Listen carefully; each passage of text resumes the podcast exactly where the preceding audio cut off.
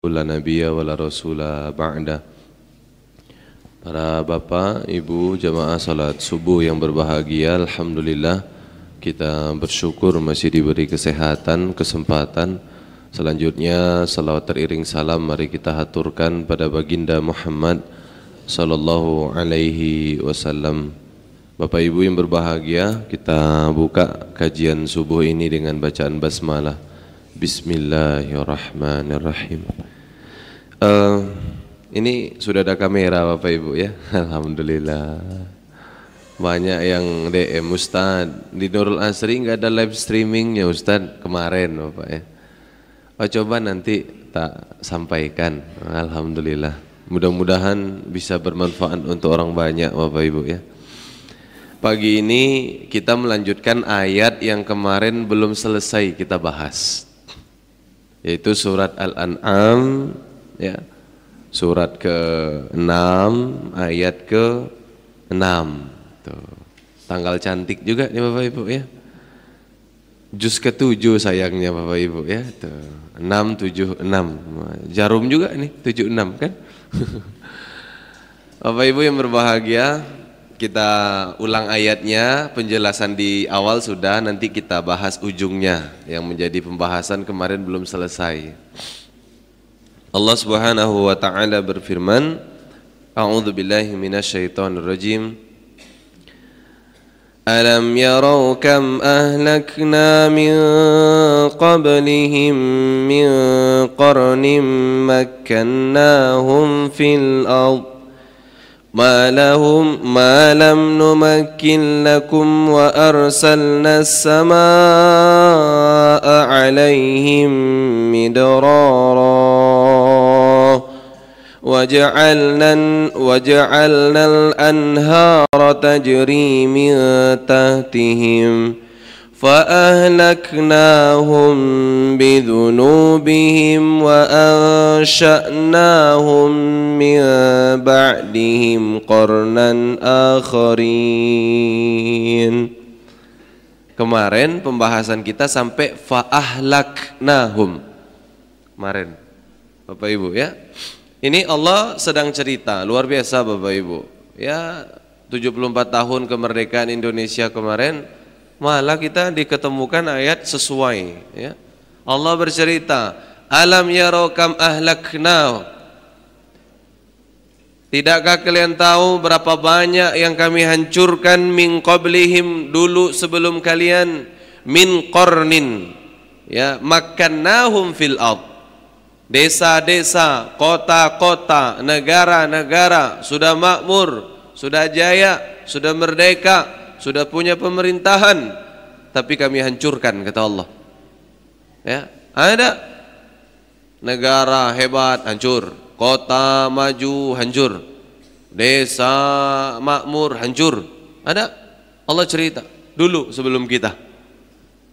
Padahal mereka ini enak malam numakil lakum warsalna sama alaihim midararah sampai-sampai kejayaan mereka kita sekarang belum ngerasain. Ya saking hebatnya mereka ini hujannya teratur. Jadi bapak makmurnya sebuah daerah itu biasanya curah hujannya teratur. Ya di Afrika itu ada namanya bukan gurun pasir pak kalau Discovery Channel sering ini nih sering muat ya saya udah di ujung lidah nih namanya kok lupa begitu ya padang bukan sabana atau apa, padang. Jadi bukan padang pasir, tapi ini sebenarnya hutan belantara luas betul di Afrika. Tapi kalau musim kemarau, Pak, gajah mati, buaya mati. Jadi mereka mengadakan perjalanan jauh untuk nyari air. Mohon maaf saya kok lupa namanya. Ya, padahal hutan. Jadi nanti ketika musim hujan, jadi lagi tergenang, jadi lagi danau, jadi lagi sungai. Nah, itu seperti itu. Nah, ini negara, kota maju, makmur, curah hujan teratur. Karena curah hujan teratur, wa ja'alnal anhara tajri min tahtihim, maka mengalir sungai di dekat mereka. Pak, sumber kehidupan manusia itu air. Bu, orang ndak bisa makan, ndak makan kuat lima hari lah. Tapi kalau tak minum tiga hari habis. Ya, jadi di padang-padang rumput yang tadinya subur kemudian gersang karena air hujan yang terputus itu banyak ekosistem yang mati karena apa? Tak ada air. Tak ada air. Ya, apalagi hewan-hewan yang membutuhkan air. Nah, karena curah hujan yang teratur, mengalir sungai. Setelah itu apa? Fa'ahlaknahum, maka kami hancurkan mereka. Pak, Bu, masih ingat kemarin Sabtu? Fa'ahlaknahum, kehancuran yang paling besar itu bukan kehancuran fisik. Kalau kehancuran fisik, Pak, bisa jadi itu balasan Allah di dunia akhirat kita nggak dapat lagi. Bisa jadi loh pak. Tapi ada kehancuran yang lebih besar kata Imam Ibnu Qayyim Al-Jauziyah. Apa? Hati. Tatkala hati tak lagi tersentuh ketika dibacakan Al-Quran oleh imam. Tatkala hati tak lagi tersentuh ketika mendengarkan kumandang azan Ketika hati tak tersentuh lagi ketika duduk mendengarkan kajian. Ketika hati tak lagi tersentuh ketika banyak kejadian-kejadian yang membuat kita pilu mungkin. Kebakaran misal. Ini ketika hati tak lagi tersentuh, tak terenyuh lagi melihat peristiwa, situasi, kondisi. Ah, ini bahaya. Ini ini kondisi bahaya, Bapak. Jadi kalau bapak misalkan setiap acara keagamaan kok malas, ngantuk, bawaannya tidur aja, ya. Kok ada acara keagamaan? Apakah bentuknya solat? Apakah bentuknya uh, pengajian? Apakah bentuknya baca Al-Quran bersama? Malas saja. Alasannya banyak. Kenapa tak solat pak? Kaki sakit. Kenapa tak solat? Masjid tak enak. Kenapa tak solat? Karpet nggak enak. Beli karpet baru, imam nggak enak. Imam ganti imam yang baru kelamaan sholatnya sholatnya cepat bacaannya biasa aja. Wah bapak. Sudah nih karpet enak imam bagus bacaannya tak terlalu panjang. Sholatnya sampai subuh baca watini ya Ustaz. Ini demi jamaah kan? Kadang Ustaz jadi imam di depan tuh bapak ibu mikirin jamaah. Bagaimana supaya jamaah tuh tidak bosan sholat padahal kalau di zaman Nabi Masya Allah tapi wajarlah iman mereka masih kuat kan bapak ibu ya jadi iman Bapak Ibu dari zaman Nabi sampai zaman kita nih itu perjalanannya tuh bukan fluktuatif, bukan begini-begini. Tapi kata para ulama gini, ha. Mama Pak ya. Contoh, sholat taraweh. Inilah dasarnya. Dulu zaman Nabi kata para ulama, taraweh itu delapan rakaat sekali salam. Delapan rakaat sekali salam. Satu rakaatnya 20 sampai 30 menit. Nah, Pak, hitung Pak. 20 sampai 30 menit satu rakaat. Berarti dua rakaat satu jam kurang lebih. Berarti kalau 8 rakaat 4 jam pak. Satu kali salam. Bayangin 4 jam sekali salam. Itu berapa lama sholatnya? Lah kata para ulama karena iman turun turun turun turun turun turun sekarang potongan rakaatnya banyak, rakaatnya pendek. Ah, sekarang begitu. Kalau dulu tak dipotong-potong, panjang-panjang. Kalau sekarang dipotong-potong, pendek-pendek. Gitu. Dua rakaat sekali salam bacanya watini wazaituni waturi sinin. Wah. Ini tarawih tak, mohon maaf ya. Ya, Bapak Ibu yang berbahagia. Jadi karena iman kita menurun, kita tak sadar. Hari ini ada musibah luar biasa, kata para ulama kontemporer yang menulis buku-buku tentang tazkiyatun nafas. Apa kehancuran kita? Hati. Tak menangis ketika anak lebih asik main game daripada baca Al-Quran. Tak timbul marah seorang suami melihat istri lebih lama di luar rumah. Tak pamit suami, tak izin suami. Suami masa bodoh, hilang berarti isi hatinya. Hati laki-laki normal akan marah ketika istrinya dekat dengan laki-laki lain. Begitu sebaliknya, wanita yang normal, suami dekat dengan wanita lain, pasti dia akan marah. Ya, Orang tua yang normal sedih kalau hat, melihat anak yang mohon maaf membangkang. Sekarang banyak biasanya anaknya teriak dibiarkan. Viral kemarin di Surabaya. Ada seorang anak minta uang ke orang tuanya, orang tuanya nggak bisa ngasih uang, ditendang kepala orang tuanya, Pak. Ditendang kepala orang tuanya, ditangkap sama polisi. Saya setuju nih kayak gini. Kemudian keluarga bilang kami maafkan. Ditendang kepala orang tuanya, bayangkan yang mengandungnya, yang melahirkannya, yang menyusuinya, yang membesarkannya, bayangkan. Ditendang kepala orang tuanya. Malah bahkan di satu kampung bukan hanya ditendang, dibunuh pak. Parah sekarang. Ya, lah melihat kejadian ini banyak orang tak tersentuh, hati-hati. Hati berarti sudah mulai pudar fungsinya, Bapak Ibu. Ini kehancuran yang lebih parah kata Imam Ibnu Qayyim al-Jauziyah. Pak, mohon maaf, Bapak silahkan cek sejarah, Pak. Islam aja lah. Ya, Eropa pernah, mereka tak peduli dengan keilmuan, akhirnya hancur. Pernah Pak? Coba lihat, Mekah Madinah dulunya sebelum Nabi hijrah ke Madinah yang maju mana? Mekah. Yang maju itu Mekah. Mekah Madinah, yang maju itu Mekah. Tapi tatkala Rasulullah hijrah dari Mekah ke Madinah, di Madinah dibuatlah Masjid An-Nabawi dibangun. Masjid Kuba dulu di Kuba baru dibangun Masjid Nabawi. Fungsi masjid untuk apa? Tiga. Ibadah, rapat, belajar. Jadi emperan itu di luar, Masjid Nabawi dulu juga gini. Ada emperannya, di luar sana emperan. Nah, emperan ini digunakan untuk belajar. Gurunya siapa? Nabi. Muridnya banyak, sahabat Nabi dari penjuru, pesisir, mana macam-macam. Salah satu murid yang paling terkenal dari Universitas Emperan Masjid Nabawi. Ha. Namanya dulu Darus Sofa.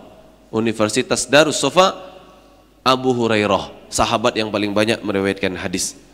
Tatkala ilmu tersebar dengan luas di Madinah, Madinah lebih maju daripada Mekah. Bahkan mohon maaf, tahun 8 Hijriah Mekah ditaklukkan. Ya, Bapak Ibu yang berbahagia. Coba lihat, baca silakan buku mana pun Bapak Ibu. Kami punya banyak buku tentang Umar bin Abdul Aziz. Seorang khalifah hebat pada masa dinasti Umayyah sebelumnya korup, setelahnya hancur.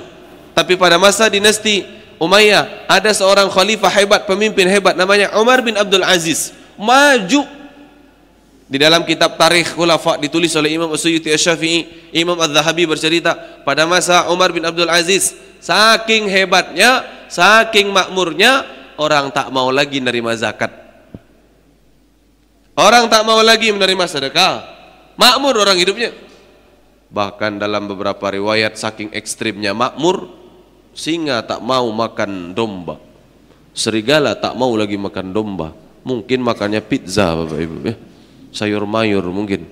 Ya, vegetarian kan? Betul, Pak.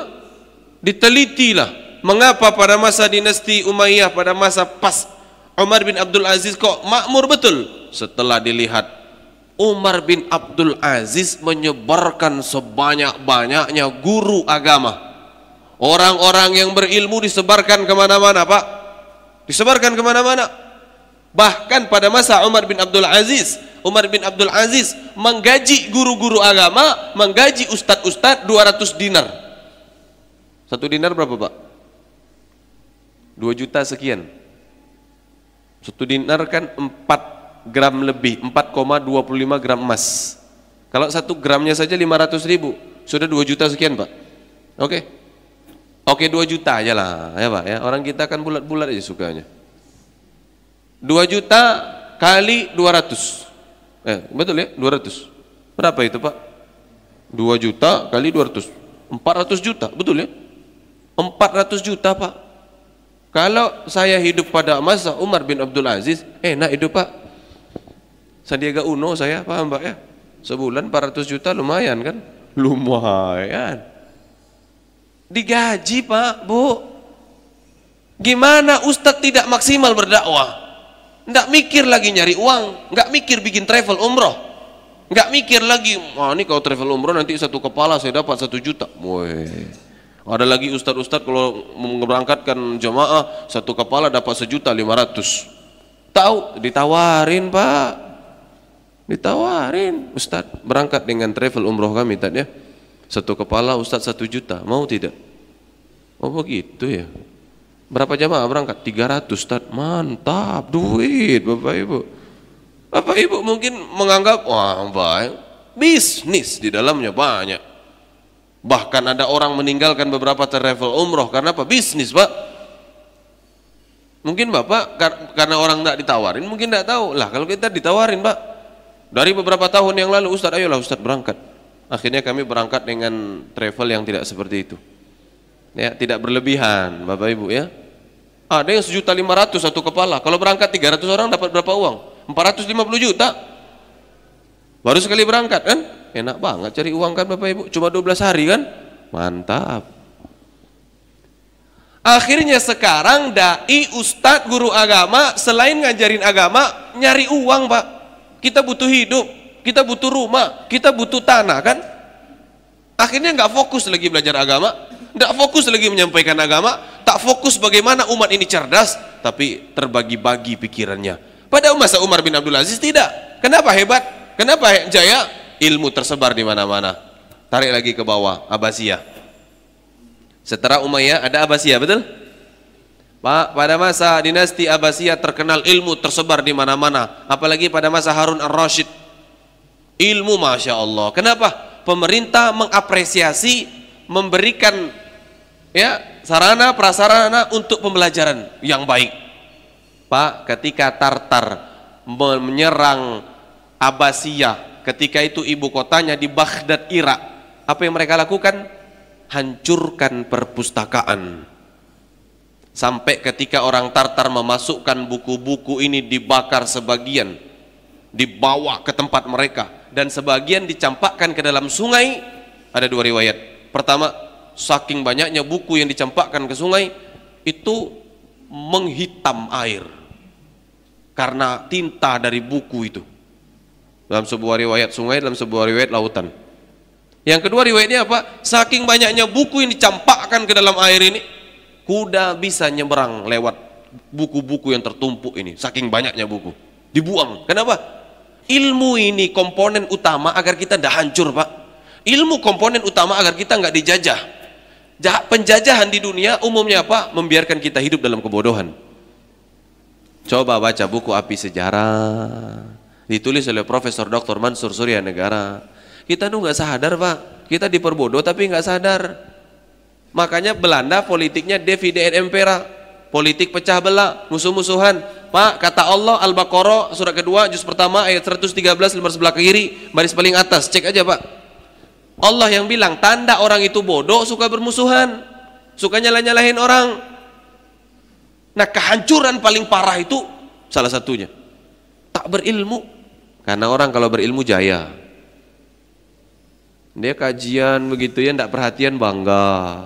Tuh, sibuk sendiri bangga. Tidak datang kajian, bangga. Orang ngaji dia sibuk, bangga. Padahal dia ini mohon maaf Pak ya.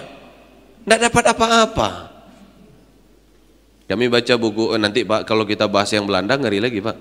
Tapi kan nggak itu topik kita. Kita lihat masa Imaduddin Zangki ketika hancur kekhilafahan Pak. Maka Imaduddin Zangki, Imam Al-Ghazali, Syekh Abdul Qadir Jailani, ini tiga orang hebat nih. Yang pada masa itu hancur Islam, maka tiga orang ini menyebarkan ilmu ke mana-mana Pak. Ke masjid, ke musola, ke toko, ke ruko, ke rumah, ke tepi jalan, ke kafe. Disebarkan ilmu ke mana-mana. Masa anaknya Nuruddin Mahmud, anak dari Imaduddin Zangki namanya Nuruddin Mahmud. Dilanjutkan. Keponakan Nuruddin Mahmud menerima masa jaya ini. Siapa namanya? Solahuddin Al-Ayubi. Tidak ada penulis sejarah sedikit pun mengatakan bahwa Salahuddin Al-Ayubi ini hebat itu karena dia dan pasukannya saja tanpa campur tangan yang lain. Enggak pak. Ilmu yang sudah dibumikan sebelumnya. Bapak Ibu ngaji dengarkan ceramah agama mencatat materi mengamalkan. Nanti anak cucu yang merasakan. Ya?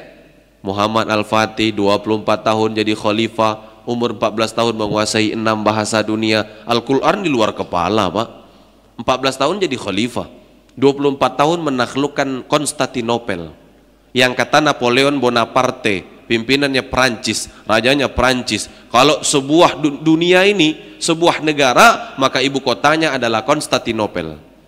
Saking hebatnya Konstantinopel.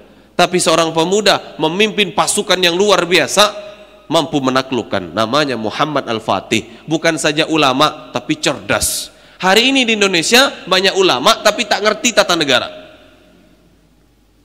Pak, ini sudah analisa tingkat tinggi dari kalangan mereka yang sudah kesohor ilmu agamanya. Kita kekurangan itu. Banyak orang soleh, banyak orang alim, banyak orang ulama, tapi ilmu tata negaranya perlu diperbaiki. Bapak Ibu yang berbahagia, ya. Nah, ketiadaan orang ulama kata Syekh As-Sasri, ketiadaan orang berilmu kehancuran yang paling dahsyat Cuma hati Pak mending. Kita masih bisa belajar Pak maksa diri. Tapi kalau ilmu sudah nggak ada, inilah kehancuran yang paling dahsyat. Tak ada lagi orang berilmu di tempat kita. Tak ada lagi orang yang bisa memahamkan kita. Inilah kehancuran. Nah, kenapa satu negara sudah merdeka, sudah jaya, sudah makmur? Kenapa hancur? Fa'ahlaknahum bidhunubihim mereka hancur karena dosa-dosa mereka. Bukan Allah pengen, bukan. Tapi Allah biarkan hancur karena apa? Dosa. Ini di dalam kitab tafsir Taisirul Karimi Rahman fi tafsir Kalamil Manan ditulis oleh Syekh Abdurrahman As-Sa'di halaman 244. Kalau buku kami halaman sebelah kanan. Baris bagiannya bagian tengah. Ya, bidhunubihim yang membuat sebuah negara yang sudah maju, yang sudah jaya Kenapa Umayyah yang jaya, negara adidaya hancur pak. Naik dinasti Abbasiyah. Abbasiyah hebat, ditakuti negara-negara yang lain, hancur. Naik dinasti Uthmaniyah. Walaupun di antaranya nanti ada Ayubiyah, Zangkiyah, begitu ya. Banyak nanti Bapak Ibu ya. Tapi naik Uthmaniyah. Mengapa Uthmaniyah hancur? Nanti ada buku kehancuran dinasti Uthmaniyah. Nah, saya punya bukunya semua Pak. Coba baca bagian akhirnya. Kenapa hancur? Nah, ini penyebabnya. Jadi ada dosa yang menyebabkan orang yang sudah jaya, masyarakat yang sudah jaya, orang yang sudah hebat jatuh. Apa dosanya? Pertama, dosa mereka falam yashkurullaha ala ni'amih mereka tak pandai bersyukur. Dikasih sehat tidak digunakan untuk berbuat yang baik. Wajah tampan dan cantik digunakan untuk cemberut. Mata digunakan untuk istirahat terus saja. Di rumah istirahat, toko istirahat, masjid pun istirahat. Ya, punya harta tak digunakan untuk kepentingan umat Islam. Tabung tabung tumpuk tumpuk tumpuk kan? Tuh. Ya bapak punya pengetahuan tak disebarkan. Ndak mau ceramah kalau nggak dibayar. Nggak mau ngajar kalau nggak dibayar. Nggak mau ngajar kalau bayarnya nggak sekian.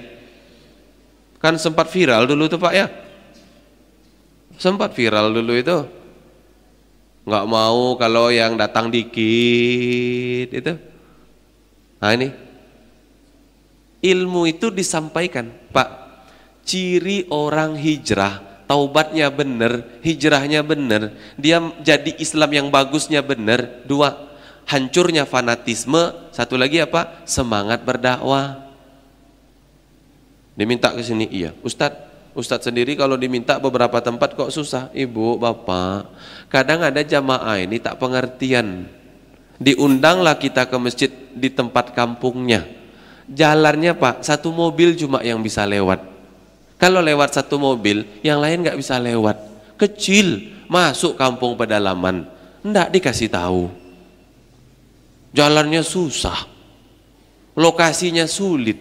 Giliran tersesat, kita yang disalahkan Makanya Pak karena sudah berkali-kali kejadian yang sama, yang hancur mobil kita. Mereka tidak tahu mobil kita hancur itu tidak tahu. Yang tahu kita sampai aja.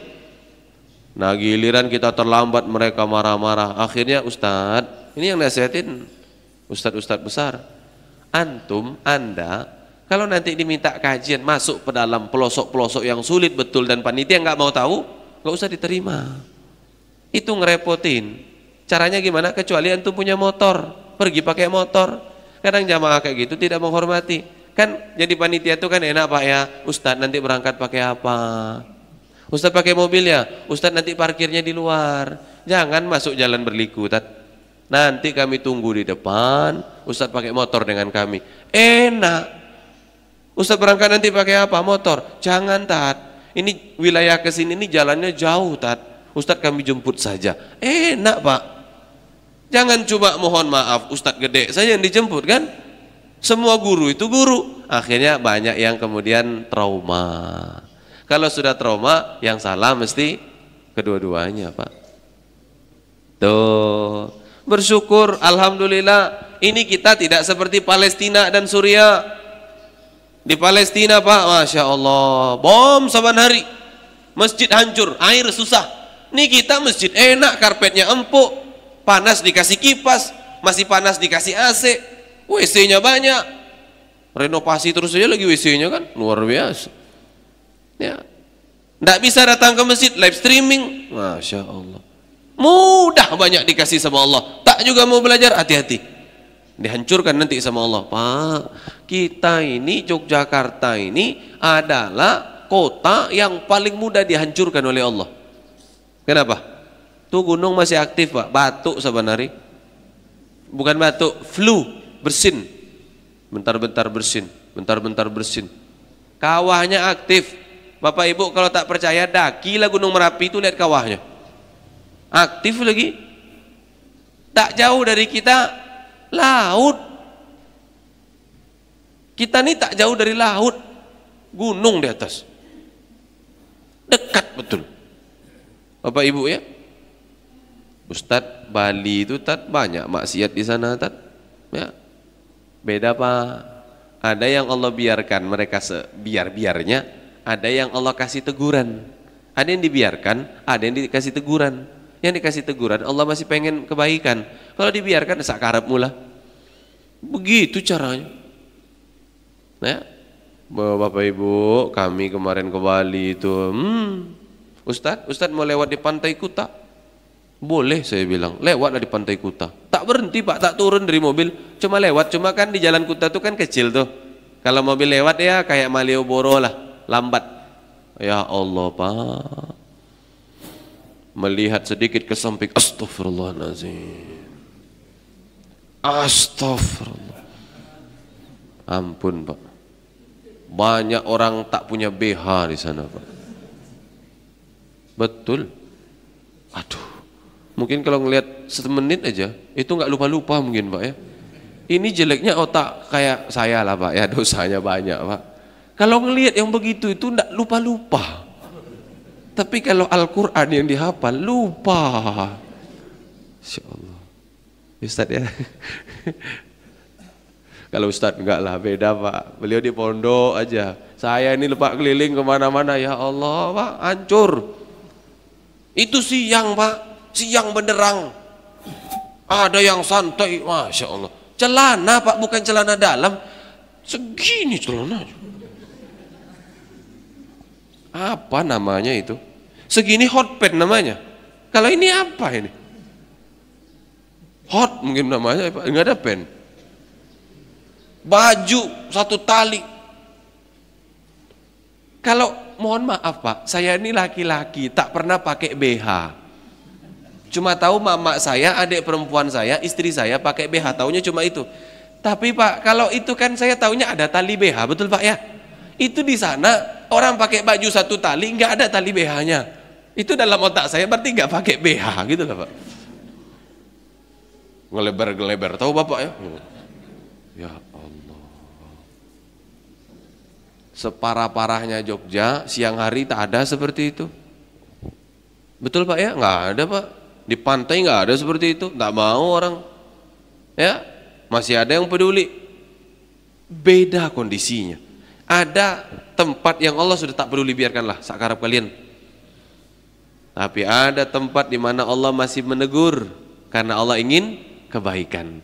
Tapi Pak, Bu, Kalau kita nih pandai bersyukur, nikmat Allah kita gunakan untuk beribadah kepada Allah, maka musibah tak terjadi. Secara jadwal harusnya Merapi sudah meletus. Eh, bukan meletus lah. Ya mengeluarkan lahar lah, betul Pak ya? Kan siklusnya 4 tahun sekali tuh. Kan terakhir 2014. Saya masih ingat 2014 saya udah di sini, Pak. Pagi-pagi bangun, ini hujan apa? Salju.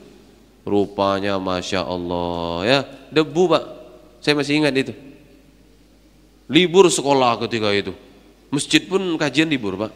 Karena debu Orang di mana-mana bersih-bersih. Baru sedikit itu orang sudah Masya Allah. Nah secara siklus dan jadwal Harusnya empat tahun berikutnya Minimal flu lagi gitu loh. Minimal flu yang sama. Ya 2014 sebelumnya berarti 2008 pernah juga Pak ya? Yang gempa yang paling dahsyat itu di Bantul malah ya 2006 ya Pak ya 2006 Nah secara perhitungan kata para ahli hati-hati 2018 Alhamdulillah 2018 berlalu ndak ada yang parah-parah banget gunung nggak ngamuk gunung apa laut nggak ngamuk Alhamdulillah Nah, Pak, coba kita pertahankan semangat kita beribadah, berbuat yang baik-baik. Perkara di luar sana masih banyak yang bermaksiat, itu urusan mereka. Kita dakwai semampu kita. Yang penting kita, keluarga kita, tetangga kita, orang yang bisa kita ajak, kita ajak berbuat baik. Maka nanti rahmat dan karunia dari Allah nih Allah berikan kemakmuran kepada hidup mereka. Ini dosa pertama, tak pandai bersyukur. Dosa kedua apa? Cuma dua Pak kalau di sini. Kemudian aqbalu 'ala syahwat. Mereka yang pertama tak pandai bersyukur, yang kedua memperturutkan hawa nafsu. Hawa nafsu itu tidak selalu di bawah perut. Hawa nafsu itu bisa berbentuk mulut. Nafsu ngerumpi. Nafsu gosip. Nafsu makan pengen pizza beli pengen hotdog beli pengen apa lagi pak namanya? Kentucky beli. Pengen ini beli pengen itu beli. Pak kadang-kadang mesti ditahan. Boleh makan pizza nggak dilarang ada sertifikasi halal MUI ya. Makan ayam goreng makan apa yang enak-enak boleh pak selagi halal. Tapi jangan diperturutkan semua. Ada masa di mana perut kita ini makan yang sehat-sehat. Nabi itu sehari-hari makan yang sehat-sehat. Ya, negara-negara maju makannya sehat-sehat. Minumnya susu, zaitun, madu. Ya, konsumsinya buah-buahan, sayur-sayuran. Ya, ini Pak, harusnya sehari-hari. Kok sekali-kali pengen pizza? Boleh. Sekali-kali pengen ya apa yang enak-enak boleh tapi bukan kejadian setiap hari. Tat kalau mahasiswa gimana? Ah, ini susah bu pak. Mahasiswa itu tempat makannya kalau tanggal 21 ke atas cuma satu. Warmindo. Oh, inilah tempat makannya. Jadi bapak ibu nih warga sekitar Deresan kalau punya rezeki dan toko makan tanggal tua tuh kasihlah diskon ya. Untuk anak kuliah yang rajin ke masjid, diskon 20%. Ya. Kasihan Pak, Bu, jauh dari orang tua. Itu makannya warmindo itu. Kadang di stok mie satu dus di kamar. Tak ada air mentah-mentah dimakan. Ustadz kok sampaikan itu pernah mengalami Pak. Lauknya mie. Bayangin nasi karbohidratnya tinggi, mie lebih tinggi lagi. Masya Allah makan nasi lauknya mie kudapannya roti ya Allah kita ini butuh orang cerdas nanti Pak Bu ya. Jadi kalau Bapak Ibu di sini punya rezeki buka rumah makan buatlah kebijakan yang luar biasa. Apa kebijakannya? Saya di akhir bulan khusus untuk mahasiswa yang rajin sholat dan mengaji di Masjid Nurul Asri saya berikan diskon. Kalau ada yang berbohong bagaimana Ustadz biarin. Nanti mudah-mudahan dengan berbohong dia jadi bertobat kan? Tiga kali berbohong lama-lama dia astagfirullah. Ini orang niat baik kok saya gunakan untuk yang tidak baik. Saya nggak pernah sholat di Nurul Asri kok saya ngambil diskon. Saya nggak pernah kajian di Nurul Asri kok ngambil diskon. Sudahlah besok saya sholat dan ngaji di Nurul Asri. Alhamdulillah kan? Kalau cuma ngasih diskon mending ada orang ngasih makan gratis. Ada rumah makan gratis namanya. Syaratnya tidak harus hafal Al-Quran tidak harus sholat malam 11 rakaat tidak harus selesai duha tidak harus uh, dia ini sholat lima waktu terjaga. Kalau dia miskin, kalau dia butuh makan, silahkan. Walaupun dia anak kuliah. Saya yakin nanti Nurul Asri ini rame sama orang bapak ibu ya. Apalagi makan gratisnya dekat sekitar sini kan. Mau. Sholat dulu makan gratis. Nah memperturutkan syahwat tuh banyak. Syuruknya 43. Masih pak. 43, 35. Ha, masih ya. Masih 8 menit. Aman pak. Ntar lagi. Ini, jadi memperturutkan syahwat itu tidak melulu mohon maaf masalah bawa perut. Kita kan kalau sebut hawa nafsu itu mesti menyebut bawa perut kan? Enggak. Syahwat itu banyak. Bahkan ada syahwat pujian. Ada orang sekarang gila pujian. Bapak Ibu ya. Ada gila penampilan. Dijaga terus penampilannya. Dalam artian untuk berlebih-lebihan Ustadz emang jaga penampilan nggak boleh? boleh. Bahkan sunnah pak. Innallaha jamil yuhibbul jamal. Hadis riwayat Imam Muslim nomor 91 Allah maha indah dan Allah suka keindahan. Allah suka kalau bapak-bapak berpenampilan rapi, ganteng, wangi, bersih. Allah suka kalau ibu-ibu bersih, rapi, cantik Allah suka. Apalagi depan suaminya ibu pakai wewangian. Ini kadang kau balik. Ya perempuan istri kalau pengen pergi keluar cantiknya luar biasa. Mandi dia pakai parfum dia. Tapi kalau di rumah dengan suami parfum tinggal mandi tidak. Ya bu Ibu memberikan penampilan yang cantik itu yang pahalanya paling banyak ke suami. Ibu berpenampilan cantik merawat diri keluar rumah bagus. Tapi kalau ke suami ibu tidak lakukan malah berdosa. Mau pergi keluar rumah cantiknya bukan main tuh. Arisan, pengajian, wah cantiknya. Giliran suami pulang, masya Allah daster bolong bau ketek semerbak ke mana-mana. Ya bau bawang. Kalau di luar rumah pakai semprot-semprot biar tak bau bawang. Kalau di rumah nggak apa-apa lah gitu kan. Maklum lah aku kan masak.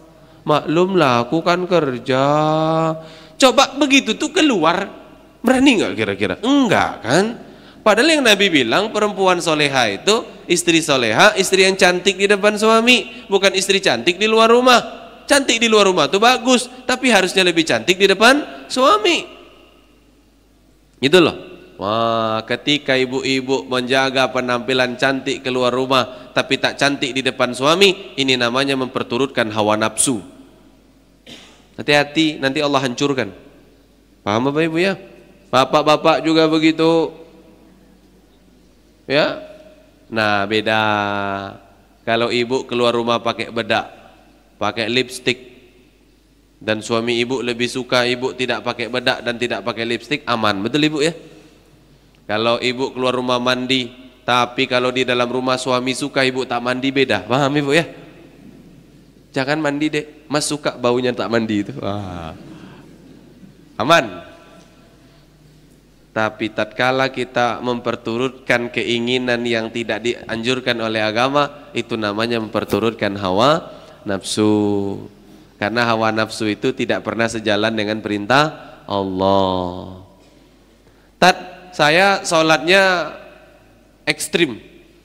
Tahajud sampai seribu rakaat. Boleh tidak Ustaz? Jangan. Itu mesti cepat nanti itu. Pak seribu rakaat. Coba bayangin Pak cepatnya gimana itu?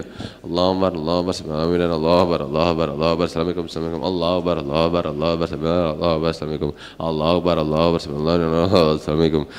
Seribu kan Pak? Ngejar target.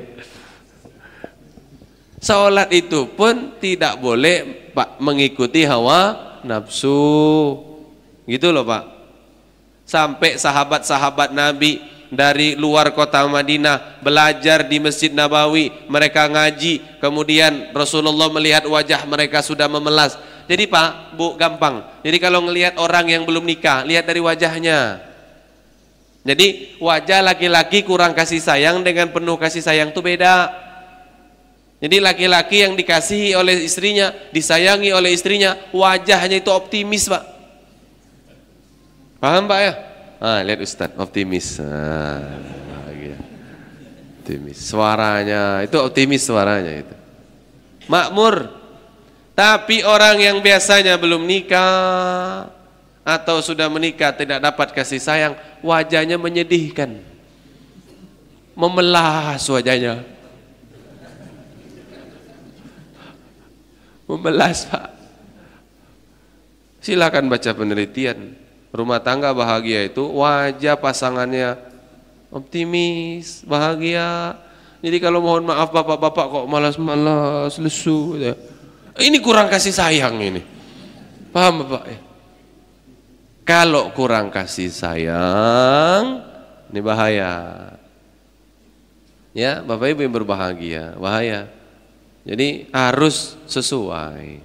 Tidak boleh berlebih-lebihan.